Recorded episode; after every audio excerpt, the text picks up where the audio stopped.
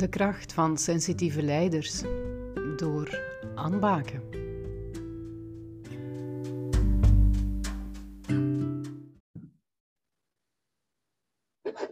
Dag Koen, goedemiddag. Heel hartelijk bedankt dat je tijd wil vrijmaken voor uh, het interview, voor het boek De kracht van de sensitieve leider.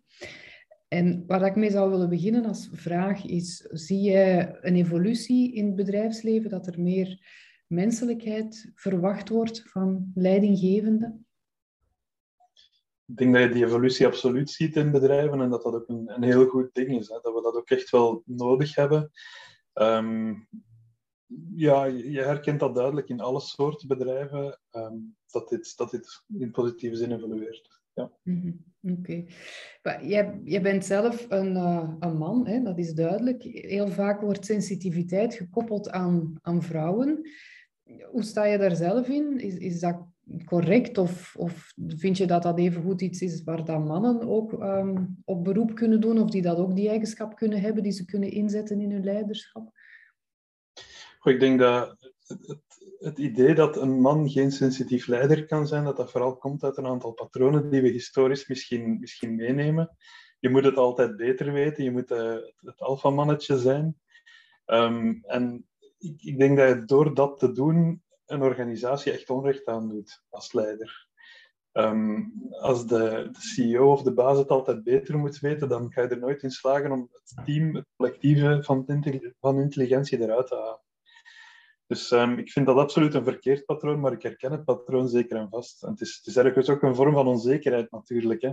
Je niet kwetsbaar durven opstellen, je niet sensitief durven opstellen als leider. Mm, ja. Wat, wat zijn voor jou voorbeelden van u wel sensitief durven opstellen als leider? Ik denk, um, in, in bedrijfsleven zijn we natuurlijk ongelooflijk getraind op, op ratio. Alles is op data gebaseerd, alles moet logisch zijn, alles moet um, onderbouwd zijn. En dat is ook voor een stukje zo. Hè. Ik denk, um, in heel veel bedrijven en ook in het onze is keuzes maken op basis van intelligentie, van data, is heel belangrijk. Maar die keuzes moeten altijd gestoeld zijn op lange termijn en op de juiste dingen doen voor de organisatie. Um, als je puur naar ratio kijkt, dan ga je waarschijnlijk een heel aantal beslissingen nemen die op korte termijn goed zijn, maar op lange termijn eigenlijk helemaal niet zo slim. Die ofwel heel sterk ingaan tegen de lange termijn successen van het bedrijf, ofwel tegen de motivatie van de mensen. Mhm. Ja, ja, kan ik helemaal volgen.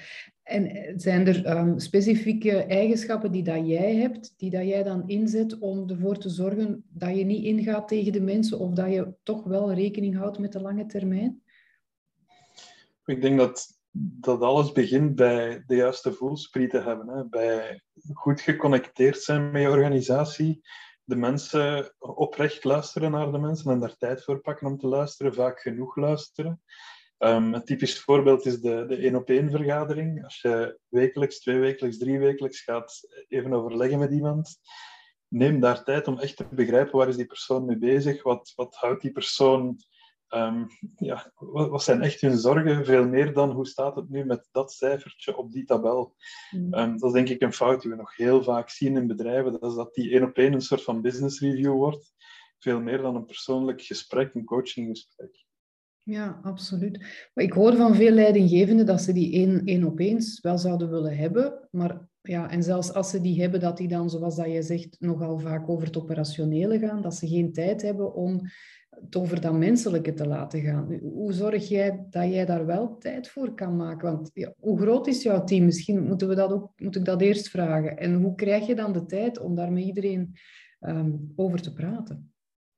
Ik, ik, denk dat het gaat over prioriteiten stellen. Uh, mijn team is ongeveer een, een, tiental personen waarmee ik rechtstreeks werk. En dan daaronder natuurlijk nog een aantal teams. Um, plus, ik heb een, een, tiental mentees die ik probeer te helpen.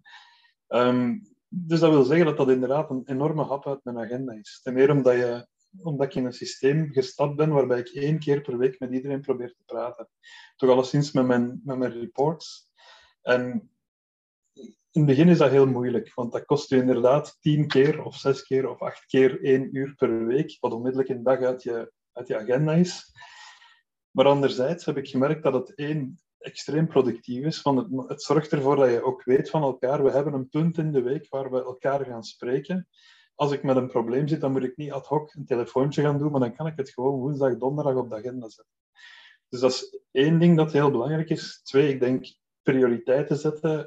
Wat is je rol als, als leider of als manager in een organisatie? Dat is niet om zelf de business succesvol te laten zijn. Dat is om een heel sterk team te bouwen en te zorgen dat dat team in een bepaalde richting werkt.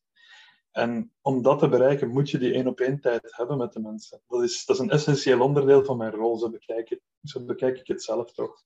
Ja, dus, en doordat je het als een essentieel onderdeel ziet, kan je daar tijd voor vrijmaken. Kan je het als prioriteit stellen. Ja. Het, is, het is voor mij non-negotiable. Ik, ik ga heel graag naar klanten, ik ga heel graag naar events en wat nog allemaal. Maar die één op één tijd die ga ik er niet aan laten onderdoor gaan. Ja, omdat je weet dat je anders je, je doelstelling niet kan behalen. Dat dat niet gaat. Exact. Ja, oké. Ja, ik denk dat dat voor veel mensen iets is dat kan helpen in um, het toch vrijmaken voor tijd voor die one-on-ones te hebben en meer over dat menselijke te praten. Heb jij dat van nature altijd gedaan? Of is er een, een shift gekomen op een gegeven moment in je leiderschap? Of is dat iets dat je altijd hebt toegepast? Ik denk dat het wel een deel is van wie ik zelf ben. Dat ik wel iemand ben die heel nieuwsgierig is, heel graag wil begrijpen waarom mensen dingen doen, hoe mensen dingen doen, wat hun daarin beter maakt of, of een stukje kan tegenhouden. Dus ik denk die nieuwsgierigheid moet wel een stukje aangeboren zijn. En het oprechte geven om mensen zal daar ook wel belangrijk zijn, denk ik. Ehm, is dat logisch in een bedrijfscontext? Daar heb ik wel wat lessen over moeten leren. Daar heb ik wel moeten leren dat het niet gaat over iemand te managen tot een bepaalde performantie, maar dat het gaat over echt wel het, bedrijfsverhaal bekijken als een, een, verhaal waarin mensen moeten groeien. Waarin mensen binnenkomen met een aantal talenten, een aantal skills. En dat je als bedrijf, als, als manager, als leider een enorm impact kan hebben op hoeveel procent van dat potentieel dat nu in die persoon zit, kan ik, kan ik naar buiten laten komen. En daar ben ik er echt heilig van overtuigd dat in een, in een organisatie waar slecht leiderschap, slechte managers zitten, dat je een heel klein deel van dat potentieel maar gaat benutten. Tegenover een organisatie waar je een sterk management, sterke leiders hebt, daar kan je een veel groter deel van, vanuit je organisatie gaan halen. Dus ik denk, het is een absolute win-win, want terwijl die mensen groeien, krijg je ook veel meer terug als organisatie. Ja, uiteraard, dat, dat klopt zeker. Je vertelde dat je daar zelf een aantal lessen in hebt moeten leren. Wil je daar iets over, over vertellen? Wat zijn dan de lessen die jij hebt moeten leren om dat te kunnen gaan toepassen? Absoluut. Um, ik, ik, vond het in het begin, toen ik pas manager werd, ik had een, vijftal jaar als individueel contributor gewerkt. En ik, um, mijn initiële insteek was, ik heb het niet slecht gedaan als individual contributor, ik krijg nu een team, ik ga zorgen dat die eigenlijk allemaal gaan kopiëren wat ik zelf deed. Want dat heeft goed gewerkt. En het heeft me toch wel een, een jaartje gepakt om te beseffen dat ieder, iedere persoon in dat team anders was, dat die andere sterktes hadden, andere dingen die hun energie geven. En om dan te gaan, te gaan leren van hoe ga ik nu een team bouwen waarbij dat die sterktes worden uitvergroot en niet zozeer de dingen die ze niet doen zoals ik ze zou doen. Dat is, dat is toch wel een, een moeilijke les geweest, vind ik. Maar eens je dat in de vingers hebt, eens je echt gaat zoeken naar die, die genius in je mensen, dan, dan denk ik dat je een extreme vergroting van hun talenten kan, kan creëren eigenlijk. Mm en, en wat heeft jou geholpen om, om dat toch te gaan doen? Want je zegt, ja, ik heb daar naar moeten zoeken. Heb je daar zelf een mentor in gehad? Of is er op een gegeven moment een klik geweest? Of wat is er juist gebeurd waardoor je dat bent gaan doen? Oh, ik, heb, ik heb best wel wat boeken gelezen erover. Bijvoorbeeld Multipliers van Liz Wiseman. Um, we hebben een Strength Finder test binnen het bedrijf die we standaard aanbieden aan de mensen. En dat zijn zo'n aantal dingen. Ik lees heel veel. En een aantal dingetjes samen hebben mij doen beseffen van dit dit is hoe ik denk dat de puzzel moet gelegd worden. En mhm. dit is, um, ja, het is, het is eigenlijk een, een, stapsgewijs besef maar geweest. Het is niet dat ik plots het licht heb gezien door een mentor. Het is er heel veel dingetjes die samenkwamen en heel veel gesprekken ook die samenkwamen. En daaruit te beseffen van dit is misschien wel een veel betere manier om er naar te kijken. Ja. Heeft, heeft uw team uh, u daar feedback op gegeven op een gegeven moment? Ook zeker wel. We hebben een actieve praktijk in het bedrijf om destijds voor de high potentials dan een soort van 360-analyse te doen. Dus de mensen rondom jou, je collega's, maar evengoed je baas of mogelijk direct reports en, en feedback te laten geven. Enerzijds data gedreven. Wat doe je op welke manier? Of hoe, hoe goed coach je, hoe goed, hoe goed luister je enzovoort. Maar wat ik er heel sterk aan vond aan die praktijk, is dat we ook echt wel feedback vroegen. En ik kreeg destijds een rapport van drie, vier pagina's met feedback over hoe pak je de dingen nu aan. En dat vond ik een ongelooflijk leerrijk verhaal. Ook omdat ik iemand ben die enorm op feedback leeft. Ik, ik, ik heb graag feedback, ik word graag geconfronteerd, omdat ik dan het zie als voeding voor de toekomst. En dat is een, een praktijk die destijds deden we dat voor de mensen die dan een mooie promotie hadden gekregen of, of wilden doorgroeien. Vandaag is dat iets wat we in het bedrijf eigenlijk aan iedereen proberen aan te bieden. Omdat het een enorm krachtige tool is om jezelf te leren kennen, maar ook vooral je sterktes te leren kennen en te begrijpen van hoe kan ik daar dan gaan maximaliseren. Ja, absoluut. En in jouw team zijn er ook mensen die jou rechtstreeks aanspreken, die dan zeggen van, ja Koen, ehm, dat of dat, dat heeft bij mij niet zo goed gewerkt, of dat vind ik niet zo fijn dat je dat eh, zo aanpakt. Geven ze die feedback rechtstreeks aan jou, of, of hoe uh, ja, pak je dat aan? Ik, ik, heb heel graag dat ze dat doen. Ik hm? ga er zeker van uit dat ze dat niet in elk geval doen. Dus dat ze hm. soms wel denken, want is dit nu wel belangrijk genoeg of niet? Of of ga ik dit wel doorgeven of niet? Maar ik, ik, ik vraag er wel actief naar. Ik, ehm, ik begrijp heel goed dat je zelf toch altijd een stukje blinde vlekken hebt op dat gebied. En je neemt natuurlijk, je doet de dingen die je denkt dat goed zijn, maar je kan niet altijd juist zijn daarin. En om, om daarin bij te leren moet je feedback krijgen. Ja, en dus je vraagt actief aan jouw uh, teamleden, geef mij die feedback. Want voor veel teamleden is, is dat inderdaad niet, niet makkelijk hè, om feedback te gaan geven aan, aan hun baas hoe zorg je dat ze dat dan toch doen? Heb je daar ja, werk ik denk, voor?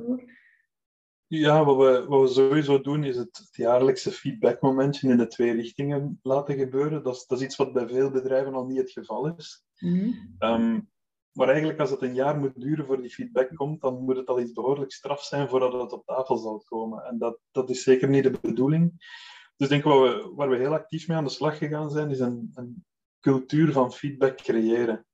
En heel, heel vaak ook zeggen, als er iets is, leg het op tafel.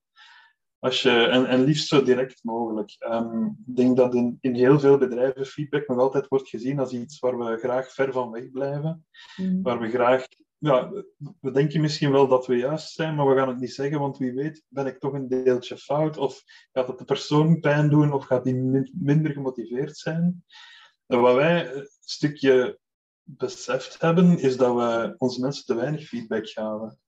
En daardoor de mensen ook ons te weinig feedback gaven. Dus we proberen dat zo bespreekbaar mogelijk te maken, zo veilig mogelijk te maken. We gaan je feedback geven door het jaar, want dit is iets wat je nodig hebt om te groeien. Maar even goed, als er iets is wat jij ons wilt brengen, dan zijn we daar heel blij mee. Dus enerzijds proberen we het structureel in te bouwen in die jaarlijkse momenten of in surveys, maar anderzijds proberen we het ook echt wel ja, een bespreekbaar topic te maken. Mhm. Ja, maar ik hoor van, van veel sensitieve mensen dat ze dat toch niet altijd zo evident vinden om die feedback te geven, omdat ze schrik hebben voor de gevolgen. Van, ja, wat gaat ermee gebeuren? Gaan ze me wel begrijpen en gaat dat niet eh, tegen mij gebruikt worden? Hoe passen jullie daar een aan, dat mensen zich veilig genoeg voelen? Ik denk dat we dat, dat heel belangrijk is van echt eerst en vooral te beseffen waar dient feedback voor? Wat, wat is het doel van feedback geven in een bedrijf? En van die veilige zone te creëren waarbinnen dat kan. Um, dan nog blijft het moeilijk. Hè? Als, ik, als ik zelf feedback geef aan een van mijn reports, dan blijf ik mezelf erop betrappen dat ik toch een beetje rond de pot begin te draaien of dat ik toch, toch altijd eerst die, die veilige zone wil creëren en, en zelfs ga benoemen ik ga jou wat feedback geven, omdat ik denk dat dit belangrijk is voor jou. Omdat ik denk dat je hier nood aan hebt om succesvol te zijn. Um, wat, er, wat er uiteraard heel belangrijk is, is, is, een zeker niveau van vertrouwen hebben alvorens je dat doet. Zorgen dat je voldoende tijd met de mensen spendeert, dat ze ook echt wel weten van als, als Koen mij feedback gaat geven, dan doet hij dat vanuit een oprechte bedoeling om mij te helpen. En daar dragen die one-on-ones dat je, dat je hebt per week elke keer eh, ook nog eens aan bij natuurlijk. Of dat zijn misschien ook momenten waarop dat die feedback kan gegeven worden dan aan elkaar. Ja. Klopt. Ja, het bouwt allemaal mooi op elkaar verder. Als we eens kijken naar, naar eigenschappen van sensitieve leiders, iets dat dikwijls terugkomt, is dat sensitieve leiders um, voelsprieten hebben. Dat gaf je zelf ook al aan. Voelsprieten zijn belangrijk. Eh, dat ze weten, ja, wat leeft er in de organisatie? Dat ze ook weten, uh, wat gaan we nodig hebben toekomstgericht? Wat gaat er zich aandienen? Dat ze daar ook voelsprieten voor hebben. Heb jij dat ook? Is dat iets dat bij jou ook af en toe naar boven komt of vaak naar boven komt? Ik probeer daar toch heel veel tijd in te investeren. Ehm, om een voorbeeld te geven, toen ik mijn huidige rol opnam, ik werd managing director voor België en Luxemburg. Dan heb ik, um, er zijn 150 werknemers ongeveer in die twee landen. Dan heb ik met elk van die mensen een gesprek gepland. Om echt goed te begrijpen wat leeft er bij iedereen, hoe werken zij, wat houdt hen daarin tegen, wat zijn de dingen die hen bezighouden. En ik denk dat ik dat probeer te doen. Dat, ik slag daar zeker niet altijd in, maar ik probeer dat te doen in alles wat ik doe. Goed begrijpen van niet alleen wat komt er naar boven in een groepsgesprek, want dan heb je toch weer maar een deel van het spectrum dat naar boven komt. Maar echt ook één op één. Hoe kijk je ergens naar? Ehm, ja, ik denk dat dat heel belangrijk is. Mm Ja, eh, intuïtie, hè, want dat wordt daar ook vaak mee geassocieerd, met, met dingen aanvoelen. Is dat ook iets waar jij op inzet? Voor een stuk wel. Ehm, al, al, proberen we echt wel te zoeken naar een balans tussen intuïtie en, en data. Mhm. Ehm, dat is ook wel een les die we in het bedrijf voor een groot stuk hebben moeten leren. Um, ik, ga, ik, ga, het even van de businesskant bekijken. Vaak denken we dat iets gaat werken in het bedrijfsleven. maar is het niet noodzakelijk gebaseerd op heel veel intelligentie? En durven we toch wel op onze intuïtie moeten terugkomen als we dan de feiten gaan bekijken. Dus ik denk dat een balans tussen de twee heel belangrijk is. Om, ook omdat je, je intuïtie is natuurlijk een stukje gekleurd door de dingen die je wel weet en niet door de dingen die je niet weet. Mm En je hebt die feiten dan nodig om je te voeden met de dingen die je niet weet. Wil je dan daarmee aangeven? Ja, toch een stukje wel, denk ik. Ja. ja. ja. ja wat ik van andere leiders uh, vaak hoor, is dat zij inderdaad dingen aanvoelen, dat, dat ze weten um, wat dat er speelt, maar dat ze dat in eerste instantie niet zo makkelijk kunnen staven met uh, feiten of cijfers. Maar dat ze gaandeweg geleerd hebben om hun intuïtie daarop te vertrouwen, te weten van, ah, ik moet daar iets mee doen. En dan ook de vertaalslag te maken naar die data, omdat ze het anders heel moeilijk uitgelegd krijgen aan anderen, aan, aan peers of uh, collega's. Ehm, ik zie jou knikken. Is dat iets dat je herkent? Dat is zeer herkenbaar. Hè. Vaak voel je al van best wel ver aankomen dat er iets, iets moet gebeuren of iets speelt bij de organisatie. Maar dan neem je toch een aantal validatiemomenten, ofwel data gedreven, ofwel een aantal gesprekken om te begrijpen van klopt dit nu echt wel wat ik hier denk? Ehm, nu, vaak klopt die intuïtie wel hoor. Vaak als je denkt van hier is hier iets aan de hand, dan, dan klopt dat wel dat er iets speelt. Misschien soms groter of kleiner dan het lijkt. Maar het is toch vaak een, een goede driver om te beseffen waar moet ik nu mijn tijd aan gaan spenderen om te zorgen dat die organisatie um, niet in de problemen terechtkomt. Ja, want daar komt het vaak op neer. Hè. Heb je dan ook misschien vroeger gehad dat je dingen aanvoelde, dat jouw intuïtie jou iets vertelde, dat je dat wou duidelijk maken aan anderen en dat ze jou daar niet in konden volgen of niet begrepen? Of heb jij dadelijk altijd die vertaalslag al gemaakt naar de, de data?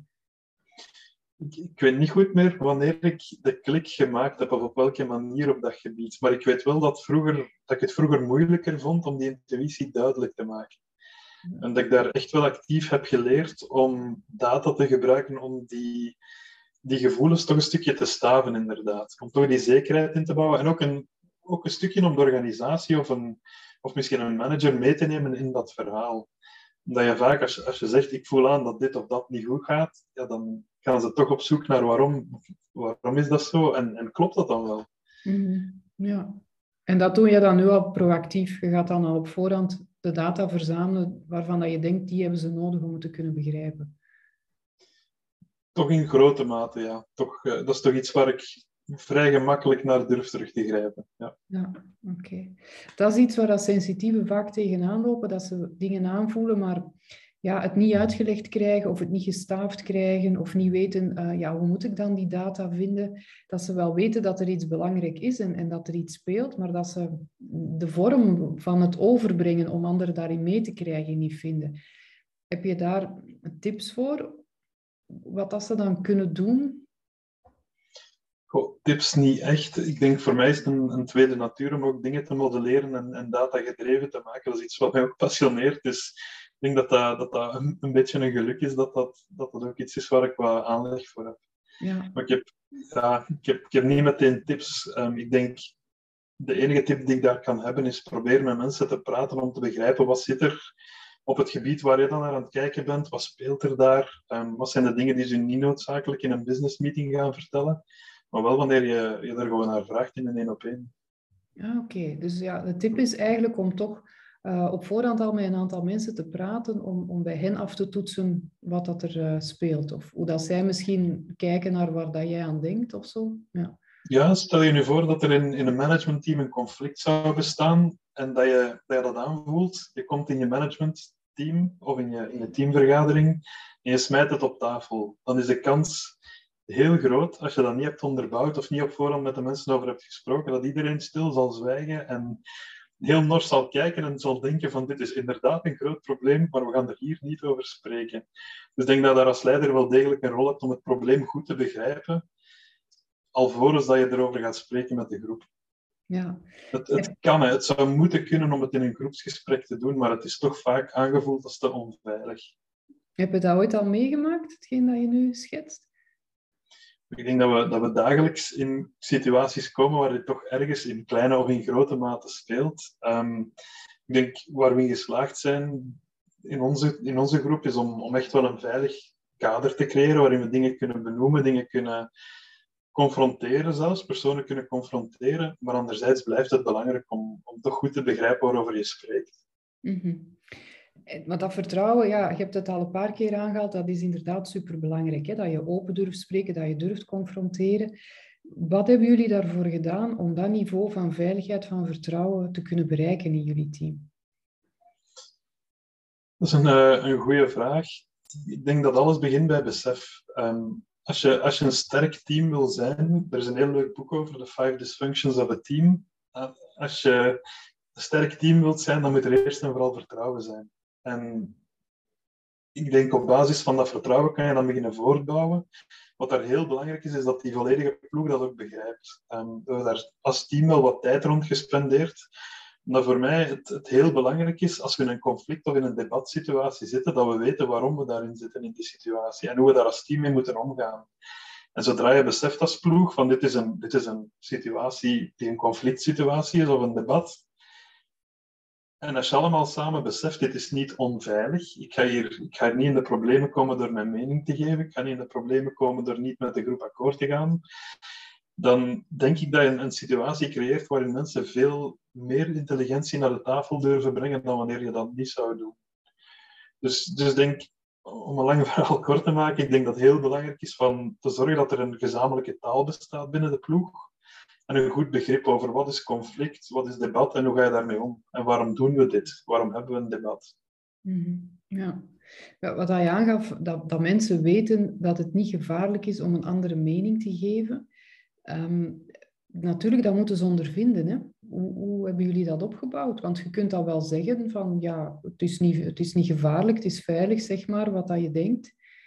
Maar ik vermoed dat je daar wel um, wat ervaringstijd in moet in opbouwen vooraleer dat je dat echt, echt vertrouwt. Of hoe is dat bij jullie gebeurd? Zoals, zoals elk ding in een bedrijfscultuur, um, het is maar waar als het, als het echt gebeurt elke dag. Hè. Um, dus dus hoe, hoe, hebben we dat opgebouwd? Enerzijds door het model goed te begrijpen, door goed te begrijpen wat we, hoe we willen samenwerken. Maar anderzijds door het gewoon elke dag te doen. En door heel goed te proberen opletten in een, in een debatsituatie, heb ik hier nu wel het juiste gedaan. We zijn door een bepaald soort discussie gegaan. Hoe zijn we daarmee omgegaan als ploeg? Hoe heb ik gereageerd als leider? Hoe zijn we misschien ingegaan op commentaren die onjuist waren of confronterend waren? en daaruit te proberen leren.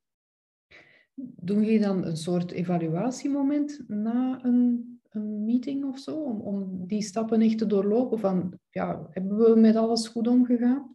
Of doe je dat eerder aan, aan zelfreflectie? Of, ja. Ik denk dat het meer zelfreflectie is, ja. ja. Okay, niks dat we als team heel actief gaan vastpakken achteraf. Ja, dus het is eigenlijk belangrijk dat, dat iedereen, of, of zeker de leider van het team, bij zichzelf achteraf de vraag stelt van ehm, ben ik wel open genoeg geweest? Heb ik ruimte gelaten voor feedback? Heb ik ook geconfronteerd? Heb ik uh, de juiste stappen genomen? Ja.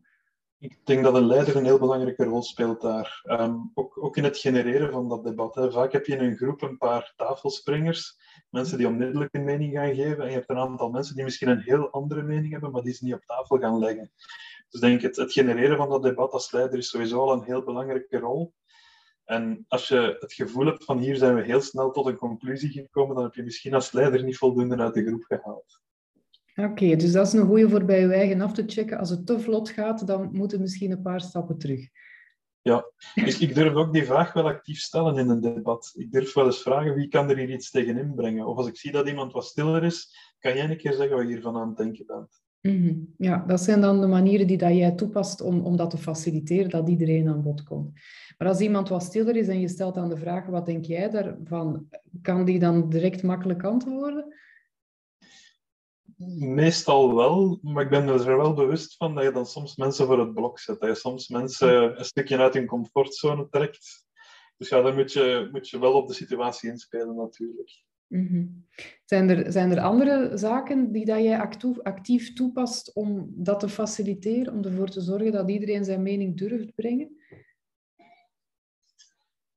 Ik denk, ik denk dat dat wel een heel belangrijk stuk was. Ehm, Plus wat we, ook wel proberen te doen, dat is zorgen dat iedereen zich betrokken voelt bij het volledige bedrijf. Dat we niet in, in silo's beginnen te denken dat het niet, omdat het over een bepaald soort klant gaat, dat iemand, het is niet omdat het over een bepaald soort klant gaat dat iemand anders geen mening mag hebben. Ehm, dat doorbreken van die silo's is echt wel een heel belangrijk verhaal, denk ik, daarvoor. Ja, is ook geen makkelijke. Hè? Daar, daar hoor ik veel bedrijven mee struggelen met dat doorbreken van de silo's. Omdat iedereen toch de neiging heeft om met zijn eigen ding bezig te zijn. Hoe pakken jullie dat aan? Hoe doorbreek je zoiets?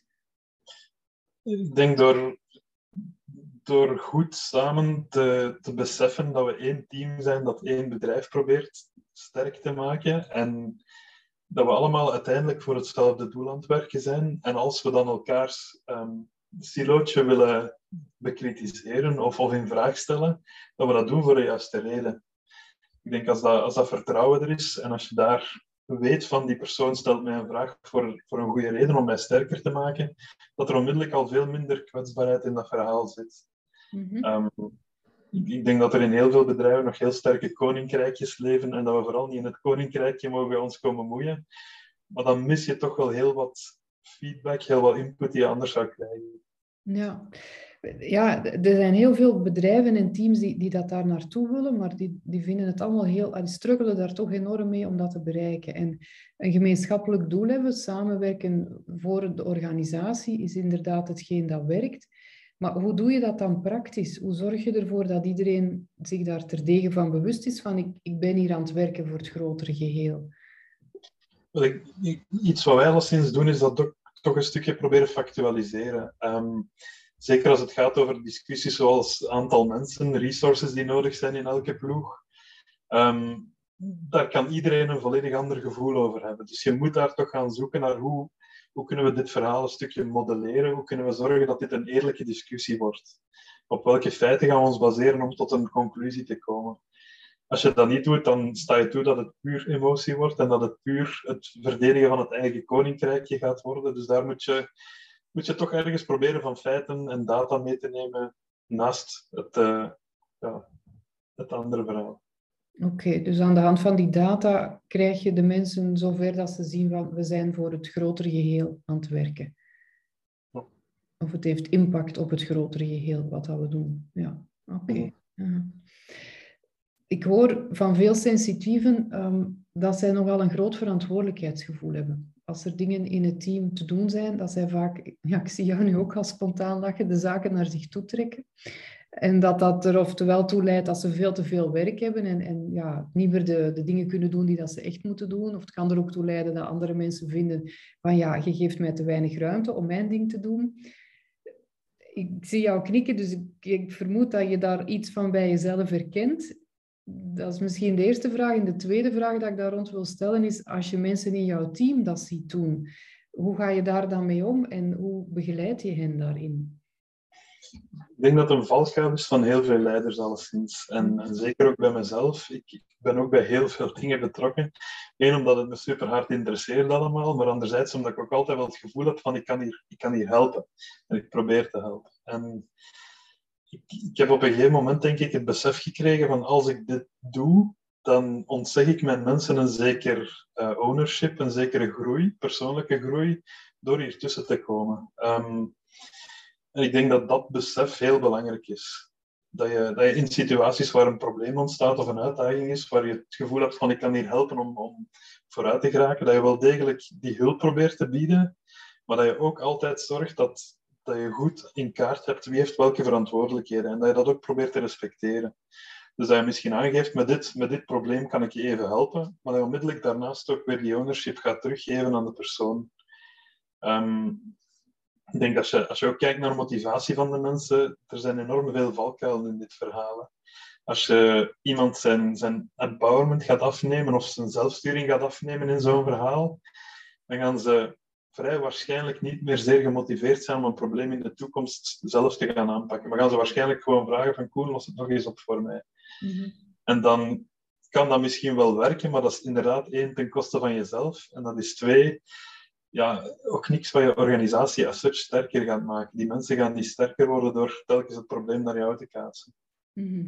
Ja, je zegt van, ik, dat je daar zelf ja, ook op moet letten. Dat je nogal zelf de neiging hebt om ook veel naar je toe te trekken. Ehm, ja, wanneer heb jij geleerd, of zijn er bepaalde ehm, voorbeelden waar dat je mogelijk tegen de muur bent gelopen, of waar dat je echt hebt ingezien van, dat, dit, dat werkt zo niet, ik moet het anders aanpakken?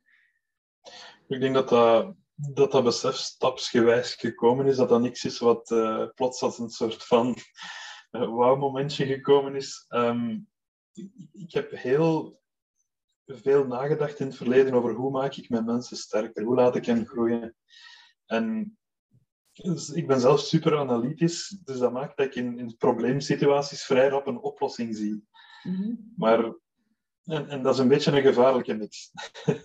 nu, wat daar heel goed geholpen heeft, is om inderdaad te beseffen, ik moet mijn mensen laten groeien. Ik moet hun toelaten om het probleem op te lossen en ik kan daarbij helpen om binnen zichzelf een oplossing te vinden. Ik kan hun daarin coachen, ik kan hun mentoren, maar op een gegeven moment moet je zorgen dat ze het zelf kunnen.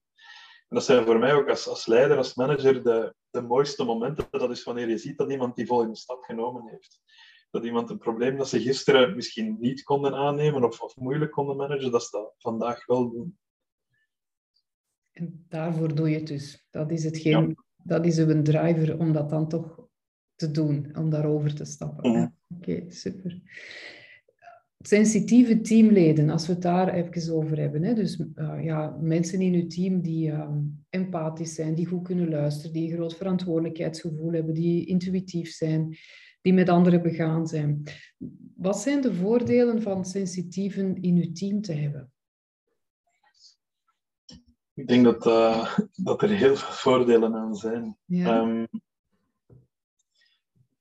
het zijn mensen die inderdaad zeer verantwoordelijk zijn en die vaak zo'n groot verantwoordelijkheidsgevoel hebben dat ze de moeilijke punten ook echt wel op tafel gaan leggen, ondanks het feit dat ze dat heel moeilijk vinden. Mm. Ehm, dat zijn wel de, de, feedbacks en de punten waardoor je als bedrijf veel sterker kan worden. Ik denk dat ze heel goed aanvoelen van wat, wat speelt er in dit bedrijf? Wat zijn de dingen die ons eigenlijk tegenhouden van een betere versie van onszelf te worden als bedrijf? En je wilt niks anders dan dat dat naar, boven komt natuurlijk. Je wil die inputs hebben. Maar dat, dat vraagt natuurlijk dat er een heel veilig kader gecreëerd wordt, waarbinnen dat kan, waarbinnen zij zich niet onveilig voelen om die feedbacks op tafel te leggen. Ehm, maar ik heb het al sinds in het verleden altijd een heel belangrijk punt gevonden om, om dat soort mensen, om alle soorten mensen in de organisatie te hebben. Dat is ook hoe wij kijken naar diversiteit. Diversiteit gaat voor ons niet zozeer over een man-vrouw of, of jong-oud. Dat gaat veel meer over, hebben we, als we met een groep rond tafel zitten, hebben we alle soorten meningen, hebben we alle soorten introvert, extrovert, hebben we alles rond tafel zitten, zodat je net tot een slimme, tot een intelligente groep komt. Ja, en daar ga je dan over waken dat iedereen die input dan ook brengt, zoals dat je daar straks vertelde. Ja.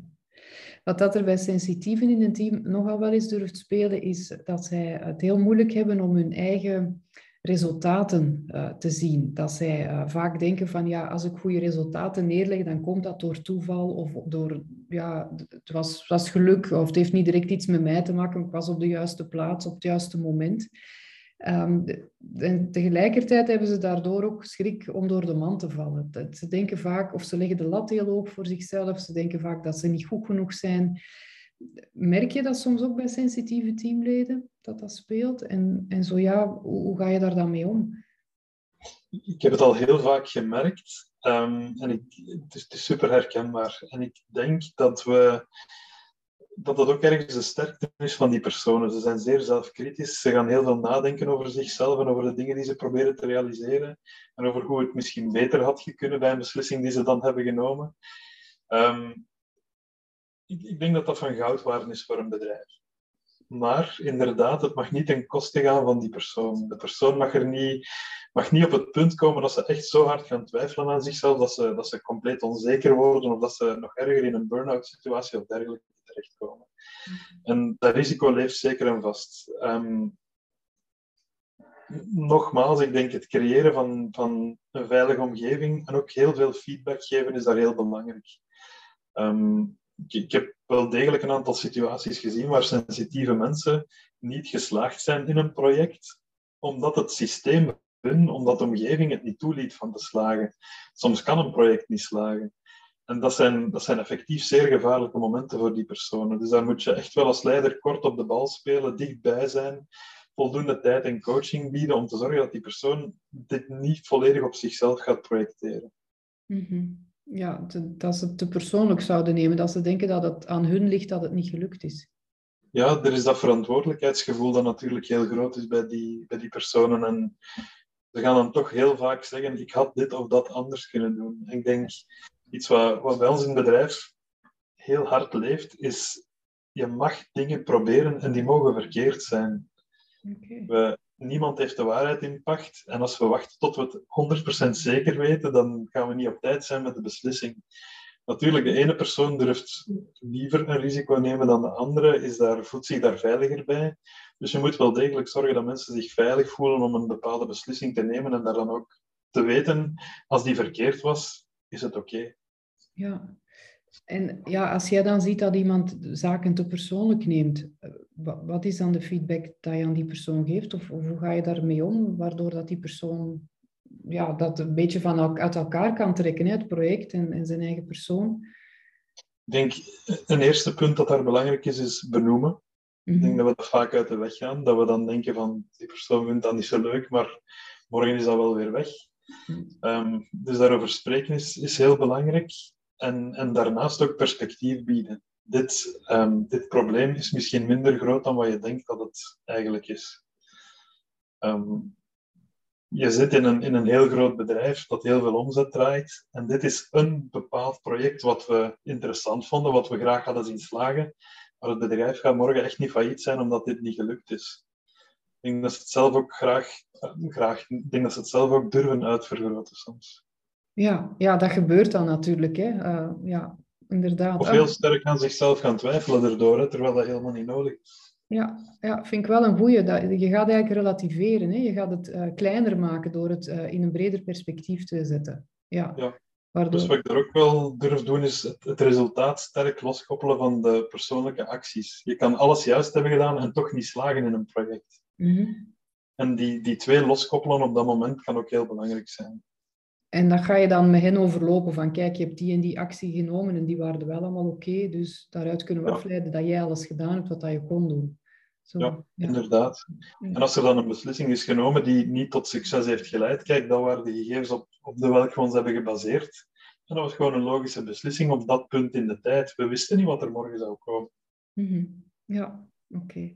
Heb je er zelf ooit ook last van gehad?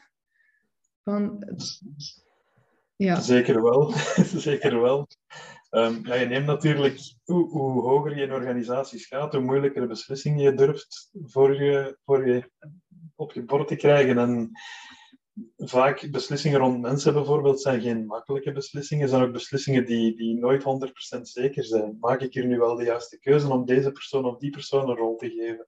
Doe ik er goed aan om deze persoon of die persoon niet meer in de organisatie te hebben morgen? En dat is een onzekerheid waarmee je moet leren omgaan, waarmee je moet, waarvan je moet leren, want dit is nu eenmaal inherent aan dat soort beslissingen.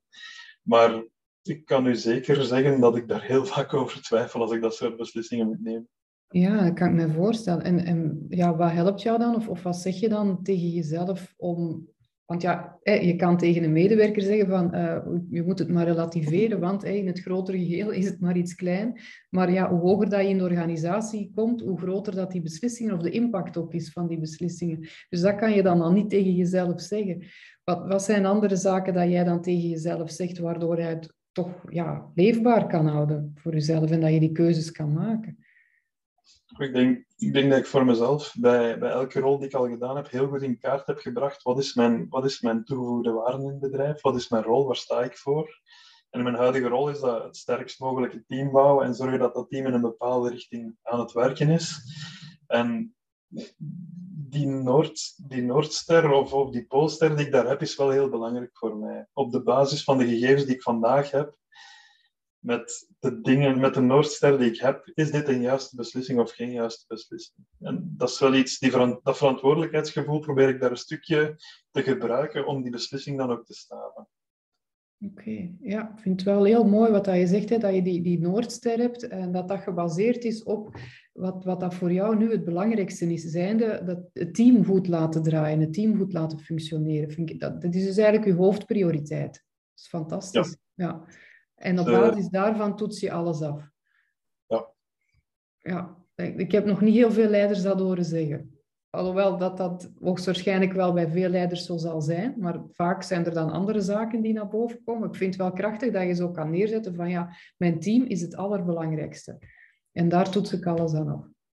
Wel, we zijn, we zijn 150 mensen in België en Luxemburg en ik kan, ik kan mezelf de illusie maken dat ik daar een heel belangrijke rol in speel, maar dat is eigenlijk niet zo, niet zo waar. Als we, als we puur kijken naar wat we elke dag met onze klanten, onze partners proberen te realiseren, dan ben ik het niet die in de field staat. Dan ben ik niet degene die het verschil gaat maken. Mijn rol is, mijn rol is zorgen dat zij dat kunnen doen. Mhm. Ja, mooi.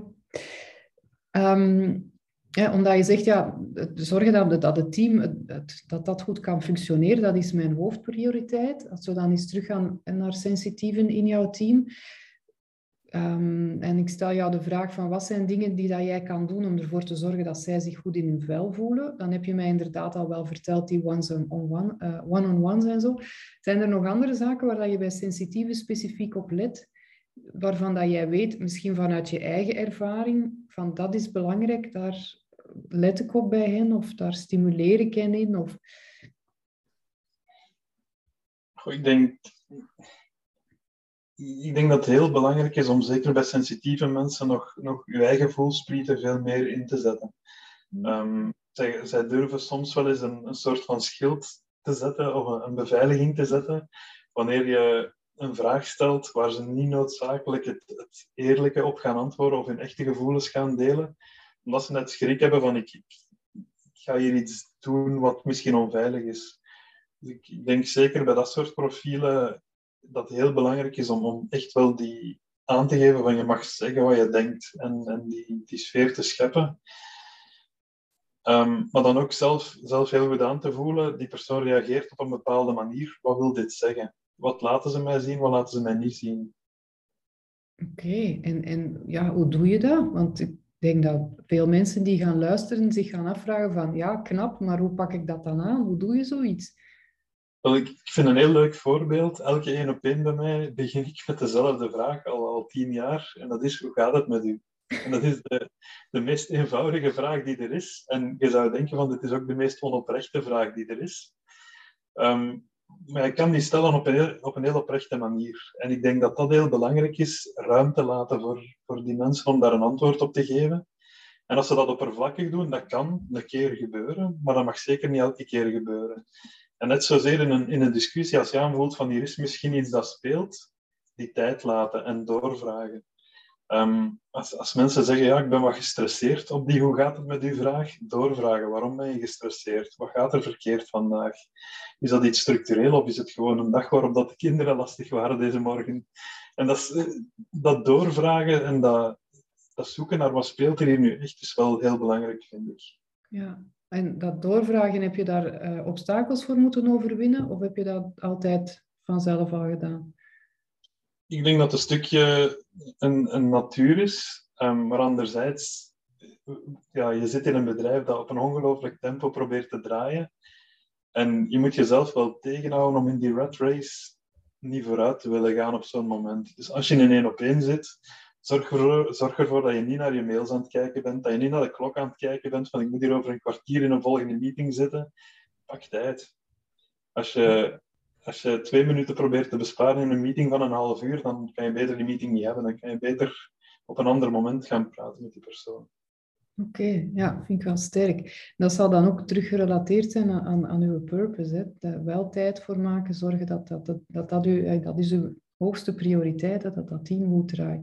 Ik hoor nogthans van veel mensen dat ze dat doorvragen niet zo evident vinden. En dat het bij de vraag hoe is het en er komt dan een antwoord van ja, ik heb nogal veel stress, dat dan al snel naar de orde van de dag wordt overgestapt en naar uh, het operationele wordt gekeken. Dus ik vind wel een heel goede tip dat je zegt van ja, neem daar dan toch echt wel de tijd voor om daarop door te vragen. Ja. Want ja, wat levert dat dan op? Want vaak hebben mensen daar dan ook schrik voor. Hè? Van stel als ik dan doorvraag, wie weet wat voor verhalen komen er dan allemaal boven. En misschien kan ik daar helemaal wel niks mee doen. Ja, hoe kijk jij daarnaar? Ik denk dat het belangrijk is om te beseffen dat je als, als manager of als leider, dat je niet, je rol is niet om elk probleem van je mensen op te lossen zelf. Ehm, de rol is om, om de dingen bespreekbaar te maken, te zorgen dat ze bij u terecht kunnen wanneer ze denken dat je het kan oplossen. Maar dat je ook gewoon coacht en helpt in de dingen die moeten opgelost worden door zichzelf. Ehm, dus ik, ja, ik, ik, ga zeker ook niet degene zijn die op, in dat soort één-op-één gesprek, als ze zeggen van ik wil er helemaal niet over praten, ik ga ook niet doorduwen. Maar je moet zorgen dat het, dat het mogelijk is wanneer ze willen erover praten. Dat is denk ik het belangrijkste voor mij. Ja, ja. Oké, ja, boeiend. Zijn er nog zaken dat je wil meegeven aan sensitieven, waardoor dat ze zich beter op hun, in hun vel kunnen voelen op het werk? een aantal tips of zo dat je nog hebt, of dingen waar dat je aan denkt, van dat is belangrijk voor hen om te weten? Goh, ik, ik denk, um, als, je, als je sensitief bent, een van de dingen die je sowieso vaak hebt, is een onzekerheid. Omdat je, je bent super gevoelig voor de prikkels rond jou en je bent heel gevoelig voor, misschien meer gevoelig dan anderen, voor, voor signalen die kunnen aangeven van je bent hier niet goed bezig of hier ben ik niet akkoord met jou. Ik denk, wat heel belangrijk is, is van jezelf daar goed in te begrijpen. Ik, was zelf iemand die vroeger het heel moeilijk had met feedback. Ehm, en ik heb dat echt als een, een soort van kracht leren gebruiken, eerder dan een beperking. Ehm, het is natuurlijk belangrijk dat je dat beseft, van ik reageer op deze manier op feedback. Ik heb de neiging van niet akkoord te gaan of van daar boos van te worden. Dan, dan moet je eerst en vooral dat beseffen. En twee, er ook iets mee gaan doen. Ook gaan leren van... Ik, ik heb geleerd om heel actief feedback te vragen aan mensen. In tegenstelling tot wat ik vroeger deed, was vooral niet akkoord gaan als ik iets zou krijgen. Mhm. En, maar hoe heb je dat dan geleerd? Heeft iemand jou daar op attent gemaakt? Of wat? Ik denk vooral door zelfreflectie, door, door ja, toch vaak na te denken over wat is hier nu gebeurd en, en hoe ben ik daarmee omgegaan. En wat is uiteindelijk de uitkomst van, van die situatie geweest? Word ik daar nu beter van of niet beter van? Mhm. Ja, zelfreflectie is, is natuurlijk een belangrijke eigenschap van sensitieve leiders. Hè? Dat is iets dat ze bij uitstek kunnen. En toch denk ik dat het ook moeilijk is om sommige blinde vlekken van jezelf te zien. Dus ik vind het wel sterk dat je zegt van ja, ik heb van mijzelf geleerd om met feedback anders om te gaan. Ik denk, denk er is nog een tweede deel aan, dat klopt. Um, ik, ik heb ook heel veel mensen rond mij zien reageren op bepaalde situaties. Andere leiders, um, managers destijds. Ik heb ook altijd, altijd één of twee mentoren gehad in mijn carrière. En ik heb heel veel van die mensen opgestoken ook. Ik denk, hoe meer profiel je rond je ziet en hoe meer je ziet hoe zij omgaan met situaties en wat er dan concreet het gevolg van is, daar leer je natuurlijk ook enorm veel van. En, en zeker als sensitief persoon kan je, daar, kan je daar uiteraard ook heel veel van opsteken. Hè. Ja, dus observeren, kijken wat werkt er bij anderen, wat werkt er niet en daar dingen van meenemen. En dan de bereidheid mhm. hebben om het zelf ook te gaan toepassen, om het zelf uit te proberen. Ja. Ja, want dat, dat is iets, denk ik, dat jij wel hebt, dat je durft experimenteren met zaken. Hè? Dat je weet van, er mogen dingen fout gaan, ik, ik mag dingen uitproberen. Net zoals iemand die op een project werkt, het kan wel eens verkeerd gaan. Ja, dat, dat is een realiteit waarmee we omgaan. Hè? Hmm. Ook een leider kan niet altijd juist zijn. Ik denk dat dat een basisbeginsel moet zijn in elke discussie die je, die aangaat als leider. Ik heb de waarheid niet bij mij. Oké, ja. En dat helpt jou dan ook om die stappen te zetten in, in, in jouw verdere groei en je evolutie als leider. Ja. En dat is ook wat dat je wil meegeven aan, aan, je, aan de mensen die dat je begeleidt. Ja. Mhm. Mooi. Ja, ik denk dat veel mensen iets gaan hebben aan het interview dat we net gehad hebben. Dus ik wil u heel hartelijk bedanken. Tenzij dat er nog iets is waarvan dat je zegt van dit moet absoluut nog gezegd worden in het kader van sensitieve leiders. Of... Nee, ik vond het zeer compleet inderdaad. Oké, wel heel hartelijk bedankt Koen.